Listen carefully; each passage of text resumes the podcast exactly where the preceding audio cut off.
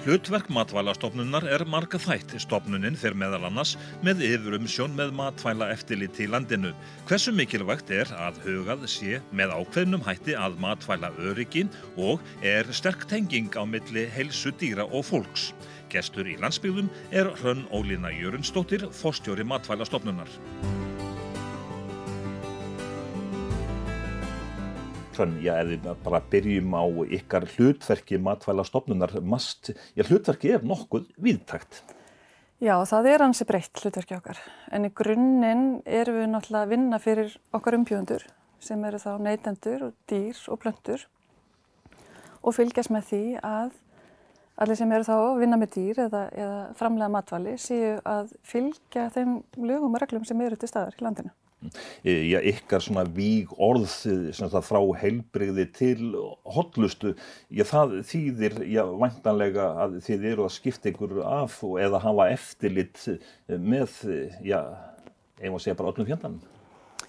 Já, þetta er náttúrulega, þetta markast aðalega að mat, matvælaframislu og þá hérna dýrahaldi og þá erum við náttúrulega eins og segi, við erum bara eins og segi með eftirlit. Og það er náttúrulega markast af þessum reglum sem eru til staðar og það er það bara okkar hlutverk að bara fylgjast með því að, fólk sé fylgja, fylgja þeim reglum sem til eru. En þetta er þá já, svona í grunninn eftirlitsstofnun, en hvað með þá fræðslu þáttinn? Það er hluti okkar, okkar vinnu að stunda, eða að veita fræðslu og við, við gerum það margt vist bæði náttúrulega innan, eh, innan yðnarins en líka til annara eftirlits Eh, stofnana eða eftirlis aðila og til almennings og þetta er svo sem eitthvað sem er áskóra núna í COVID en, en klálega okkar hlutverk er að fræða líka. Mm. Hvað ég með, með samstarf við ég, svona þetta hag aðila fyr, fyrirtækin, eh, hvernig er það? Það má alltaf bæta og ég, eftir að ég tek við þá, hérna, eftir að ég tek við sem fórstjórum matalstofnar þá hef ég lagt mikla áherslu á samtal út af því mín skoðun er svo að með auknu samtali að þá hérna, ekki skilningur begja aðila á hver öðrum, ekki bara eftirstegan á okkur eða yðnaðarins á okkur, heldur líka við og þeim. Og með auknu samtali og auknu skilningi þá náttúrulega bara ekst tröstið. Þannig ég held að sé gríðarlega mikilvægt að, að það sé tölverst samtala á milli, milli begja aðila. Þannig að ekki koma fram sem ég, svona hálfgeð lögregla. Við, nei, klálega ekki sko. Við viljum bara frekar fylgjast með því að það sé gert vel og uh, það er einhverjum ekki sem gleður okkur meira en að koma inn í fyrirtæki eða, eða á bíli þar sem allt er í lægi. Það er náttúrulega bara það sem að skipti máli. Við erum ekkert út eftir að reyna að finna einhverja, einhverja, einhverja villur eða einhverja aðtöðsendir. Já, bara matvæla eftirlit þá sem þið komið inn eh, ef við svona bara, já, miðum okkur við nágranna þjóðurnar, Norðurlöndin eða Evrópu, hvernig eru það að standa okkur svona almennt? Sko, matvæla öryggi á Íslandi er glettilega gott og hérna það eru náttúrulega eftir matvæli, ef við fókusunum á matvæli þá er matvæla eftirlit á Íslandi í höndum svona tveggja megin aðela annars vegar matvælstofnunar og hins vegar heilblís eftirleiti sveitafélagana. Og við eh, náttúrulega erum frekar lítil í, í samanbörði við, við Evropaþjóðurnar og, og, og löndinni kringum okkur. Og það kannski búum sem beturferð það vel að, að umhverfið okkar og staða sjúkdóma hjá, hjá dýrum er bara frekar lág. Þannig að sko í hildina er matvælaurki er matvælaur ekki gott en það þýðir náttúrulega ekki það að við meðum sopna verðinum heldur að það koma upp atvik og ég held að sé ennþá í ferskuminni fólks uh, E. coli smitin sem kom upp uh, hvað var það, fyrir ára síðan mm. þannig að þetta er alltaf uh, það geta alltaf orðið mistök það geta alltaf komið upp sjúkdómar það geta komið orðið slis og göttunum og náttúrulega kannski já, þannig að við verðum alltaf vera verði og fylgjast með. En neytendur, íslenskir neytendur, hvernig eru þeir að standa sig? Eru þeir almennt ágætlega upplýstir? Eru þeir læsir á þetta allt saman? Uh, ég held að mætti klálega bæta læsi neytenda á, á matvælaurikis áhættum en við náttúrulega erum rosalega góðu vön þannig að við höfum ekki þurft að hafa mikla ráðugjur af matvælauriki. En ég held að mætti líka auka meðvutund neytenda að eins og matalstofnun er að vinna náttúrulega fyrir hag, haga neytenda. og uh, neytendur náttúrulega sett, sett, lifa náttúrulega í þeim raunveruleika að sko það er mjög gott matvæli öryggi hérna en það má einhvað síður eins og segja ekki, ekki gleyma því að það getur alltaf eitthvað gerst. Mm. En þegar þú, ég tala um matvæla öryggi sem sagt, ég heilsa dýra og fólks, eh, þetta eru ég tveir óaðskiljalegir hlutir eða hvað? Já, það, þetta eru algjörlega óaðskiljalegir hlutir og náttúrulega staða matvæla öryggi sérna veldur náttúrulega tölvert mikið á, heilsu dýra í landinu og í dag erum við farin að tala um eina heilsu Eh, One Health, þetta er svona koncept sem við hefur verið að vinna með alþjóðlega. Og þá það í raun og veru byggist á því að það er ekki hægt að aðskilja heilsu manna, heilsu dýra eða heilsu umhverfis. Þetta vinnur allt saman. Og við getum aldrei framleitt góð og örug matfæli í umhverfið þar sem að e, heilsu dýra er ógnað eða náttúrulega heilsu umhverfisins. Þannig að ef allt er skítið til kringum okkur þá er náttúrulega verður ekkert gott úr því. En já, þessir þættir, eftirlits þættirnir, bara tæknivæðing og, og fóðurgjöf og annað því um líkt, það eru framfarir í þessu öllu saman. Þetta, þessa breytingar allar, þær kalla vantarlega þá á svona, já, aukið eftirlit og það, það sé fylst með framlæslunni. Já, auk, já, kannski svona breytt eftirlit getur maður sagt og ég held að það sé mjög mikilvægt að, að stofnun eins og matvælastofnun uh, sé lífandi og fylgis með samtímanum út af því að hérna, við meðum ekki staðna í okkar, í okkar störfum og, og okkar þekkingu. Þannig að klárlega hérna, aukinn teknivæðing, hún bara hún breytir áhættu þáttunum náttúrulega og breytir þannig að hvernig við verðum að, að fylgjast með þeim. En neytendunir sjálfur þegar þeir fara út í vestlun, eh, þeir ja, gera kröfu um að þeir séu nokkuð öryggir, en eh, eru neytendur, eru þeir sæmilega læsir? Þetta er þó nokkuð flókið bara að, að, ja, að kunna að lesa efna innihald vöru. Hmm. Já, þetta er nefnilega, þetta er áskorum fyrir neytendur og ef að neytendur ætla að vera mjög meðvitaðir þá verða þeir ofta tíðum að þurfa að setja sér inn í ansi sérhæð mál. En kerfið okkar og kerfið eins og það er byggt upp í Evrópu er sett upp þannig að neytendin á að geta farið út í búð og keift sér matveru án þess að hérna, hilsu er að sé ógnað. Ég og þú hefum alveg geta farið út og, og veslað okkur í matinn og ávegsti fyrir börnin okkar og kjöt og þar fram til göttunum. Að eins og staðan er í dag þá er alltaf e, ábyrðin liggur alltaf ekki á framleganda og það er alltaf framlegandi sem er ábyrgu fyrir þeirri vöru sem hann, sem hann selur. Uh, akkurat til þess að neytandin þurfi ekki að kunna öll mismundi efnaheitin sem eru tilgetin í innihalslýsingunni og þarfændugötunum. Þannig að sem, sem neytendur eigum við að vera vendið, þannig er kerfið sett upp. En ég þegar innflutningur, hann eh, hefur aukist með árónum og eh, landamærin og allt, allt þetta. Eh, ég hvað með reykjanleika matfuru? Já, það er það sama. Reykjanleiki verður að vera til staðar og ef eitthvað kemur upp að þá verður við að geta gripið inn í og rækja vöruna tilbaka þannig að það sé ekkert að innkallana á markaði. Þannig að það er mjög mikilvægt í svona matvæluríkiskerfi að það sé reykjanleiki til staðar í ykkar starfsemi dýralæknar þeir eh, þá í að gegna svona ymsum eh, þáttum í starfseminni. Íslenski dýralæknar þeir keira nú á við hérna, eh, þingmann sem er döglegur að fara um kjöldamið. Já, dýralæknar eru gríðarlega mikilvægir í starfsemi stofnuninnar og, og hérna og kemur samanskapið að stofnunin er náttúrulega gríðarlega stór atvinnuveitandi á sviði dýralækna. Þannig að það er eh, sagt, mjög mikilvægt að hafa góða öfluga dýralagna til þess að einmitt, verið samskiptum við, við bændur, uh, fylgjast með velferddýra, heilbriðdýra, vera með sagt, allt á taktinum varandi sjúkdómastöðu og, og þarfandi göttunum.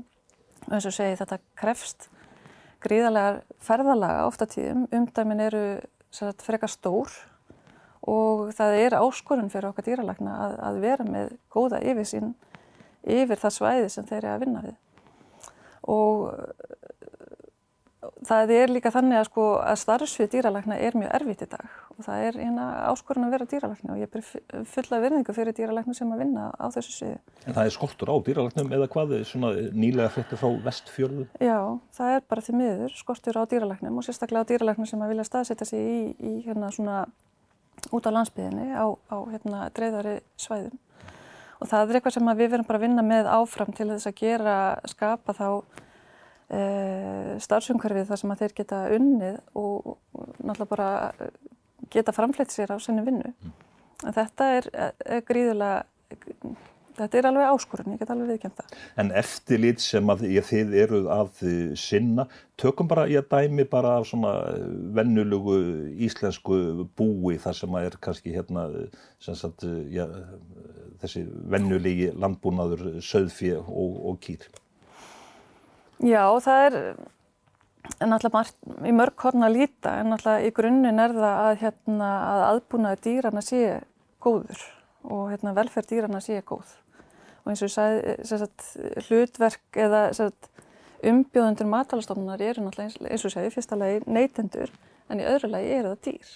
Þannig að það er í okkar hlutverki að fylgjast með því að, að velferð og, og hérna, hilsa dýra sé, sé góð og þá koma með ábendingar ef, ef að það það brestur einhver starf. Mm -hmm. Ef við tökum þá landbúnaðin áfram heimaslátrun hefur verið svolítið í umræðinni. Það er nú að að higgja.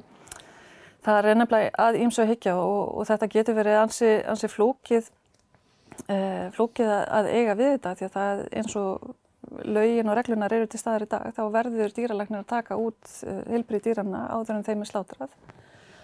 Og það verður að vera dýralæknir til staðar uh, og fylgjast með það því að sláturinn sé uh, framkvæmt mannúlega og er náttúrulega þessi atrið sem, að, sem gera það verkum að þetta, þetta er svona áskurinn út frá regluverkinu en hins vegar sko hlutverk matalastofnunar í þessu máli er náttúrulega bara að sjá til þess að regluverkinu er fyllt og síðan er það þá bara að breyta því regluverkið, aðlaða regluverkið að, að samfélaginu. En þarna eru klálega áskorunnar, eða þætti sem að, hérna, við verðum að skoða og fylgjast með og eh, kannski það sem er grunninn fyrir, fyrir hérna gagvart matálstofnun er náttúrulega bara að tryggja öryggi neytenda og tryggja velferð dýrana. Er kerfið á stundum svolítið flókið? Kerfið getur alveg verið ansi flókið og eh, ráðunetið okkar, sérst atvinnum við á nýskopunar ráðunetið hefur náttúrulega unnið tölverst auðvitað að því um, uh, undarfarið að reyna einfalda regluverkið og skýra það og þar hefur margt gott gerst en það er náttúrulega klárlega er, regluverki er viðamikið en það er alveg líka ástæð fyrir því að það er viðamikið. Það er ekkert verið að setja reglur bort í bláin en eh, sko en þarna náttúrulega verður þá, þá alþingi og, og, hérna, og ráðuneytin að vinna þá að því að breyta reglunum ef að, sko, að stjórn matálstofnu er að breytast. En e, e, hvaðan svona ég koma reglurnar, það er náttúrulega að koma frá okkur sjálfum svo sem, en hvað með Evrópusambansin tilskipanir? Já, við náttúrulega, sko náttúrulega grunninn er þetta innleita reglur á Íslandi þannig að það verða íslenskum reglum. En að einhver leiti er þetta reglur sem við höfum sett sjálf, en að einhver leiti er þetta náttúrulega evróst regluvert og uh, ástæðan fyrir því að við erum að innleiða evróska reglur er til þess að hafa aðgengi að innri markaði Evrópu sem alltaf gríðarlega vermætt fyrir íslenskan yðnað og íslenskan útfylgning að eh, sagt, vöru sem koma frá Íslandi er ekki flokkar sem innflutningurinn á Evrópu heldur er þetta frálst flæði uh, vara á innri markaði Evrópussamprinsess En maður heyri það gerna svona þegar maður er að tala við framleiðendur og, og bændur að regluverkið sé svolítið flókið en svo á sama tíma þá er verið að tala um mikilvægi nýsköpunar. Þessi tveir þættir þeir kannski, svona, kannski fari ekki alltaf að flókið regluverk en svo eh, á, er farið fram á nýsköpun. Já, þetta er nefnilega eh, algjörlega staðrindin að, að, að hérna, nýsköpun og regluverkið stangast ofta á eða þetta eru svona anstæði pólar En hins vegar verður líka að velta fyrir sér að, að hérna, grundvöldun ísköpunar er matfælurki. Þannig að þú, maður getur ekki farið að setja nýja vöru á markaðin sem að ógna þá hilsu neytenda. Þannig að það er verið bara úrlausnaratri hvernig hægt er að fá þessa, þessa tvo póla til að vinna saman en það er áskorun, ég við ekki um það alveg og það er ekkit engungu áskorun hérlendis heldur er þetta áskorun sem að öll löndinni kringum okkur er að, er að eiga við. Að því að allavega mínum að þá er sko nýsköpun er gríðarlega mikilvæg og gríðarlega mikilvæg sjávarútvöðurinn hefur náttúrulega verið ofsalega framalega í, í nýsköpun og innleðingu á tæknivæðingum. Eh, að samanskapi verður við að hérna, byggja undir nýsköpun í landbúnaði til þess að hérna, bara lifibröð bænda eflist og þeir geta þá lifað af sínum, sínum framlegslu en þarna er þess að segja hvernig er hægt að finna einhvern meðalveg þar sem við getum lift nýsköpun á blómstra án þess að við séum að ógna þá öryggi neytenda.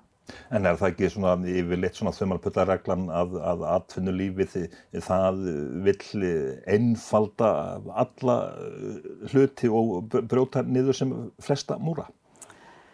Jú, jú, það er sjálfsagt kannski svona helsta það sem að ynaðurinn vill og hérna en þá er það náttúrulega í raun og veru bara að finna hennan gullna miðalveg sem er náttúrulega alltaf, alltaf getur verið erfiður að finna en það verður að vera hérna, bilbækja og, hérna, og það má þá náttúrulega ekki uh, efla hag innarins á kostnað, alltaf mikið á kostnað neytenda. Mm.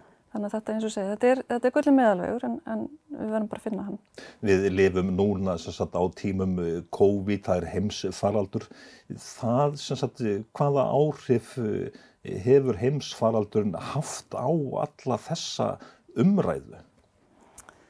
Um, svona það sem að getur tekið jákvægt út úr heimsfaraldrinum er að þetta hefur náttúrulega eld meðvitund uh, allra á mikilvægi reynlætis og sótvarna og, og svona þess að þátt að og maður getur alveg séð þarna að akkurat í þessu tilfelli varandi heimsfaraldruna þetta er náttúrulega smittsjúkdömu sem berst frá dýrum yfir menn og náttúrulega gríðarlega mikilvægt á að hafa í huga þessa einna heilsukonsepti þar sem við getum ekki aðskili heilsu manna, heilsu dýra og heilsu umhverfisins.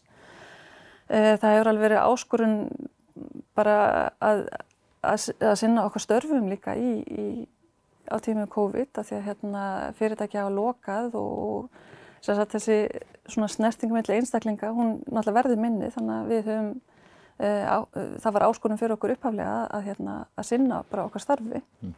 en við svona bara í samtali við yðnaðin, við yðnaðin þá fundum við lausnir sem hann alltaf sýnir líka mið, uh, mikilvægi samtalsins. Sóttvarnir og viðbraðs áallanir allskeins, þarna ég rýður á að þessi hlutir, þeir, þeir séu sem sagt, uh, það, það sé allt saman klart og, og kvitt mm. hvernig ná að bregðast við. Já, ég held að sé alveg rétt að höra að akkurat þessi faraldur síndi á mikilvægi hérna, viðbraðs áallana og ég held að allir geti svara því að fyrir rúmu ári síðan að við höfum aldrei átt okkur á því að viðbrafi heimsfaraldri væri eitthvað sem við getum þurft að nota. En við sjáum það líka í, starfi þrýkisins hversu mikilvægt þetta var að hafa allt skýrt hvað hver átt að gera hvað. Þannig að við, innan matlastofnar eru náttúrulega tölur fjöldi svona viðbrasáallana og samtalið mitt við sótvarnalækni og fleiri aðila sem eru viðbrasæðilar að þetta verður að vera til staðar og verður að vera til taks ef eitthvað kemur upp á. En þegar þið verður að tala um ég sóttu varnir þá kannski ég svona annan nærtakti dæmi þar sem að þurft að grípa til viðbras áallana reyða í söðfíða. Já, já, akkurat og þetta náttúrulega við erum að sjá upplifa núna eitt versta reyðutilfelli bara til margar ára. Í Skagafyrði. Í Skagafyrði sem að náttúrulega hefur gríðarlega erfitt og erfitt fyrir allt samfélagið og fyrir náttúrulega bænduna sem að lenda í því að það kemur upp ríðabænum. Uh, eh, kemur inn á gríðarlega mikilvægt starf dýralækna á hérastýralagnir sem, sem að er með yfirumsjón yfir svæðinu og þarna komu að, voru kallað náttúrulega að aðilar viðsverða landinu innan matvalstofna til að aðstofa uh, aðilana, okkar aðila á þessu svæði að vinna úr þessu. En þetta náttúrulega klárlega eh, sýnir það líka við megum ekki sopna verðinum og hérna riða er ennþá raunverulega á Íslandi og við verðum bara að vera vakandi fyrir því að þetta getur komið upp. Hvað með eh, rannsóknir, eru við að standa okkur nógu vel, hvað varðar eh, rannsóknir? Það má alltaf gera betur, klálega og það má alltaf náttúrulega bara klálega auka rannsóknir þegar það eru alltaf af hennum góða. Uh, Matvælstofna á í gríðarlega góðu samstarfi við til dæmis eins og uh, rannsónstöðuna Kjeldum, uh, rannsónsstofa Háskóla Íslands í meinafræðum sem alltaf stiður stofnunna í, í, hérna, í mælingum á, á, á reyðu og það er, vera, það er tölverkt rannsóknarstarfi í gangi á reyðu og held ég miklu meira en fólk almennt gerir sér grein fyrir. En við erum hins vegar ekki á þeim stað að við getum um, sagt nægilega mikið um reyðuna og þetta er bara erfið sjúktumur og ofsalega haugengur. Þannig að rannsóknar taka langa tíma. Þannig að ég myndi klálega að vilja bæta, náttúrulega bæta í rannsóknar á því sviði á svona fleiri matvælaurikissviðum. Annað sem að mig langar til að ræða við ykkur, ég það er livja notkun í matvæla yðnaði. Mm -hmm. Já, það er sagt, eh, mikilvægt að fylgjast með livjanotkun og, og þetta á að vera skráð út af því að náttúrulega livjanotkun í, í dýraeldi eh, má ekki vera þannig að það ógni þá neytandanum og þess vegna verðum við að hafa uh, eftirlit með hvaða lif eru nótuð og hvernig þau eru nótuð út af því eins og þú segir þú veist að geta gæst mistök líka, bara mannleg mistök. Um, svo náttúrulega tengist þetta líka síklarlifa ónæmi sem er náttúrulega gríðarlega mikilvægt málefni í dag að uh, þau lif sem að við höfum til takk skakvart, uh, skakvart bakterjum að hérna, þau verða að vera virk en við erum að sjá það víða erlendis að, að nótkunn á síklarlifum er tölvöld meiri og miklu meiri heldur en við erum stunda hér á Íslandi og þá er þetta orðið gríðarlega mikið vandamál. En það þýðir það ekki að við eigum ekki verið að fylgjast með þessum atriðum hér á Íslandi að því við sjáum alveg að, að, hérna, að það koma upp um, bakteríu sem að, hérna, sem að geta valdi mönnuskaða og, og hérna, það er til staðar sem betur fyrir lítið hluti hérna, bakterja sem að sína þetta ónæmi hér, til, hér á Íslandi og miklu minna heldur en Erlendis. En við verðum að rannsaka þetta og því við vitum ekki stöðuna nema við rannsökum hana og við getum ekki talað eða brúðust við eða rætt vandamálið nema að vita hvernig staðan er. Og þá erum við komin aftur að því sem við vorum að tala um áðan að, að, að helsa dýra og fólks er á sömu hillunni. Al, hún er algjörlega á sömu hillunni, við getum ekki aðskilið þetta.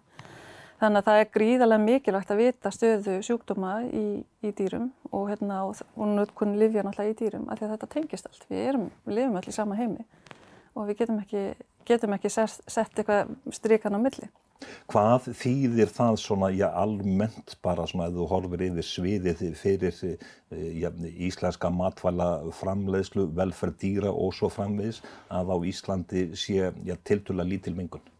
Það er náttúrulega gríðarlega mikilvægt að það sé lítið mengun hérlendis og við náttúrulega, okkar kerfi náttúrulega við, við njóti, njóti þess á svo marga vegu og hérna það er náttúrulega það okkar að tryggja það að það verði svo áfram að við megum ekki kannski sólunda þessu, þessu umhverfi og þessu öryggi sem við búum í uh, af því að umhverfið okkar er svona hreint. Og við náttúrulega auglísum okkur út af við sem hérna, hreint og ósnert land. Og ef maður skoðar til dæmis um, tvo mikilvægustu yðnaðan á, á, Íslandi í dag þá er það náttúrulega annars vegar já, vonandi verður aftur ferðamanna yðnaðurinn og svo sjáuröndverð og báðið þessi tveir þættir byggja á hreinu og svona ósnertu ómenguðu landi þannig að okkar ímynd byggist náttúrulega gríðarlega mikið á, á hreinu landi En eh, kallar það ekki líka á að, að við getum kannski orðið af þessu svolítið of værukær og sagt bara, já, hér er allt svo hreint og fínt? Jú, það, ég held að sé alveg rétt hjá það. Við getum alveg sopnaði verðinum og um, líka, sko, við verðum að geta staði við þessar staðhæfingar að sé hérna hreint og ómengað land. Og ef við höfum ekki gögn til að styðja það staðhæfingar þá verður bara mjög fljótt blásið á þar.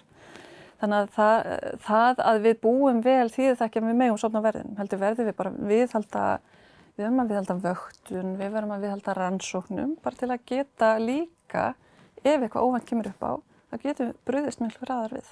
Hvað með ja, innflutning og, og útflutning, er, er þessi, sagt, þetta eftirlit, er það alltaf að vaksa hjá okkur, hvað var það til dæmis innflutningin?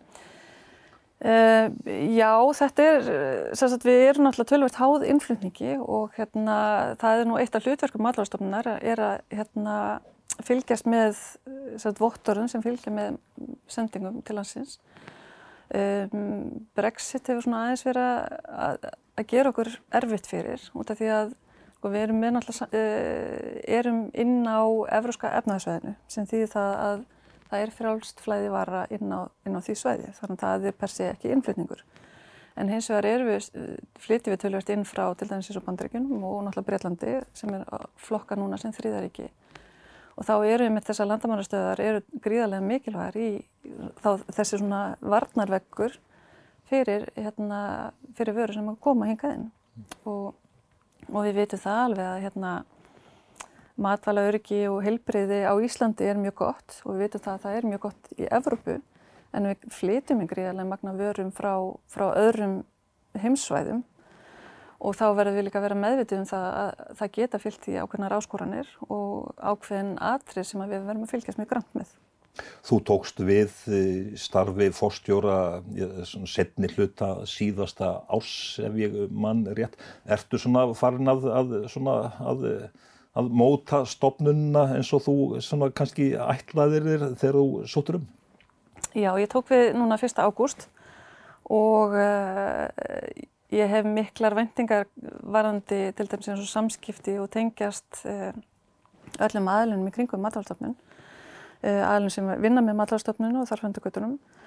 Þannig að ég hef, var með, segja, sérfræðiþekkingu á, hvað maður segja, helmingi af sviðinu sem við vinnum með, þá aðla matalsviðinu, en hérna hefur svona í, á þessum mánu verið að afla með betri þekkingar á, á dýraheilbriðsviðinu og náttúrulega vinn með alveg gríðarlega góði fólki þar. Og eh, ég hef mjög ákveðna skoðanir á hvert við erum að stefna með stofnununa og hef verið að móta það svona smátt og smátt með yfirstjórn stofnununar og við svona munum þá nota það næstu fjögur-fimm árin til, til að koma okkur á, á þann stað. Og það er náttúrulega aukinn samhæfing á eftirlitið sem dæmi. Það sem að hérna hefur verið lift gríðarlega grættistæki á varandi það að samræma eftirlit millir landsvæða sem eitt dæmi og ég vil klálega taka það áfram og ég vil líka efla skilning bæði eins og ég sagði okkar á yðnænum og yðnænum á okkur og það er náttúrulega kreft mikil samtals. Uh, ég vil vinna að, að ímyndstofnurinnar sem er til að sé mætti bæta á mörgum stuðum og við erum alveg, uh, við erum klálega ekki hafin yfir gaggrinni en við, hefum fengið á okkur gaggrinni sem að, að mínum að þetta er við eigum ekki inni fyrir. Þannig að það eru, eru tölvöld mörg atrið sem, sem að við getum unnið að og, og eins og segi við, við meðum ekki staðina heldur við verðum alltaf bæta okkur. Hrönn Ólína Jörgensdóttir, fórstjóri Matvala stofnunar. Takk fyrir spjallið og gangið vel. Takk ekki alveg.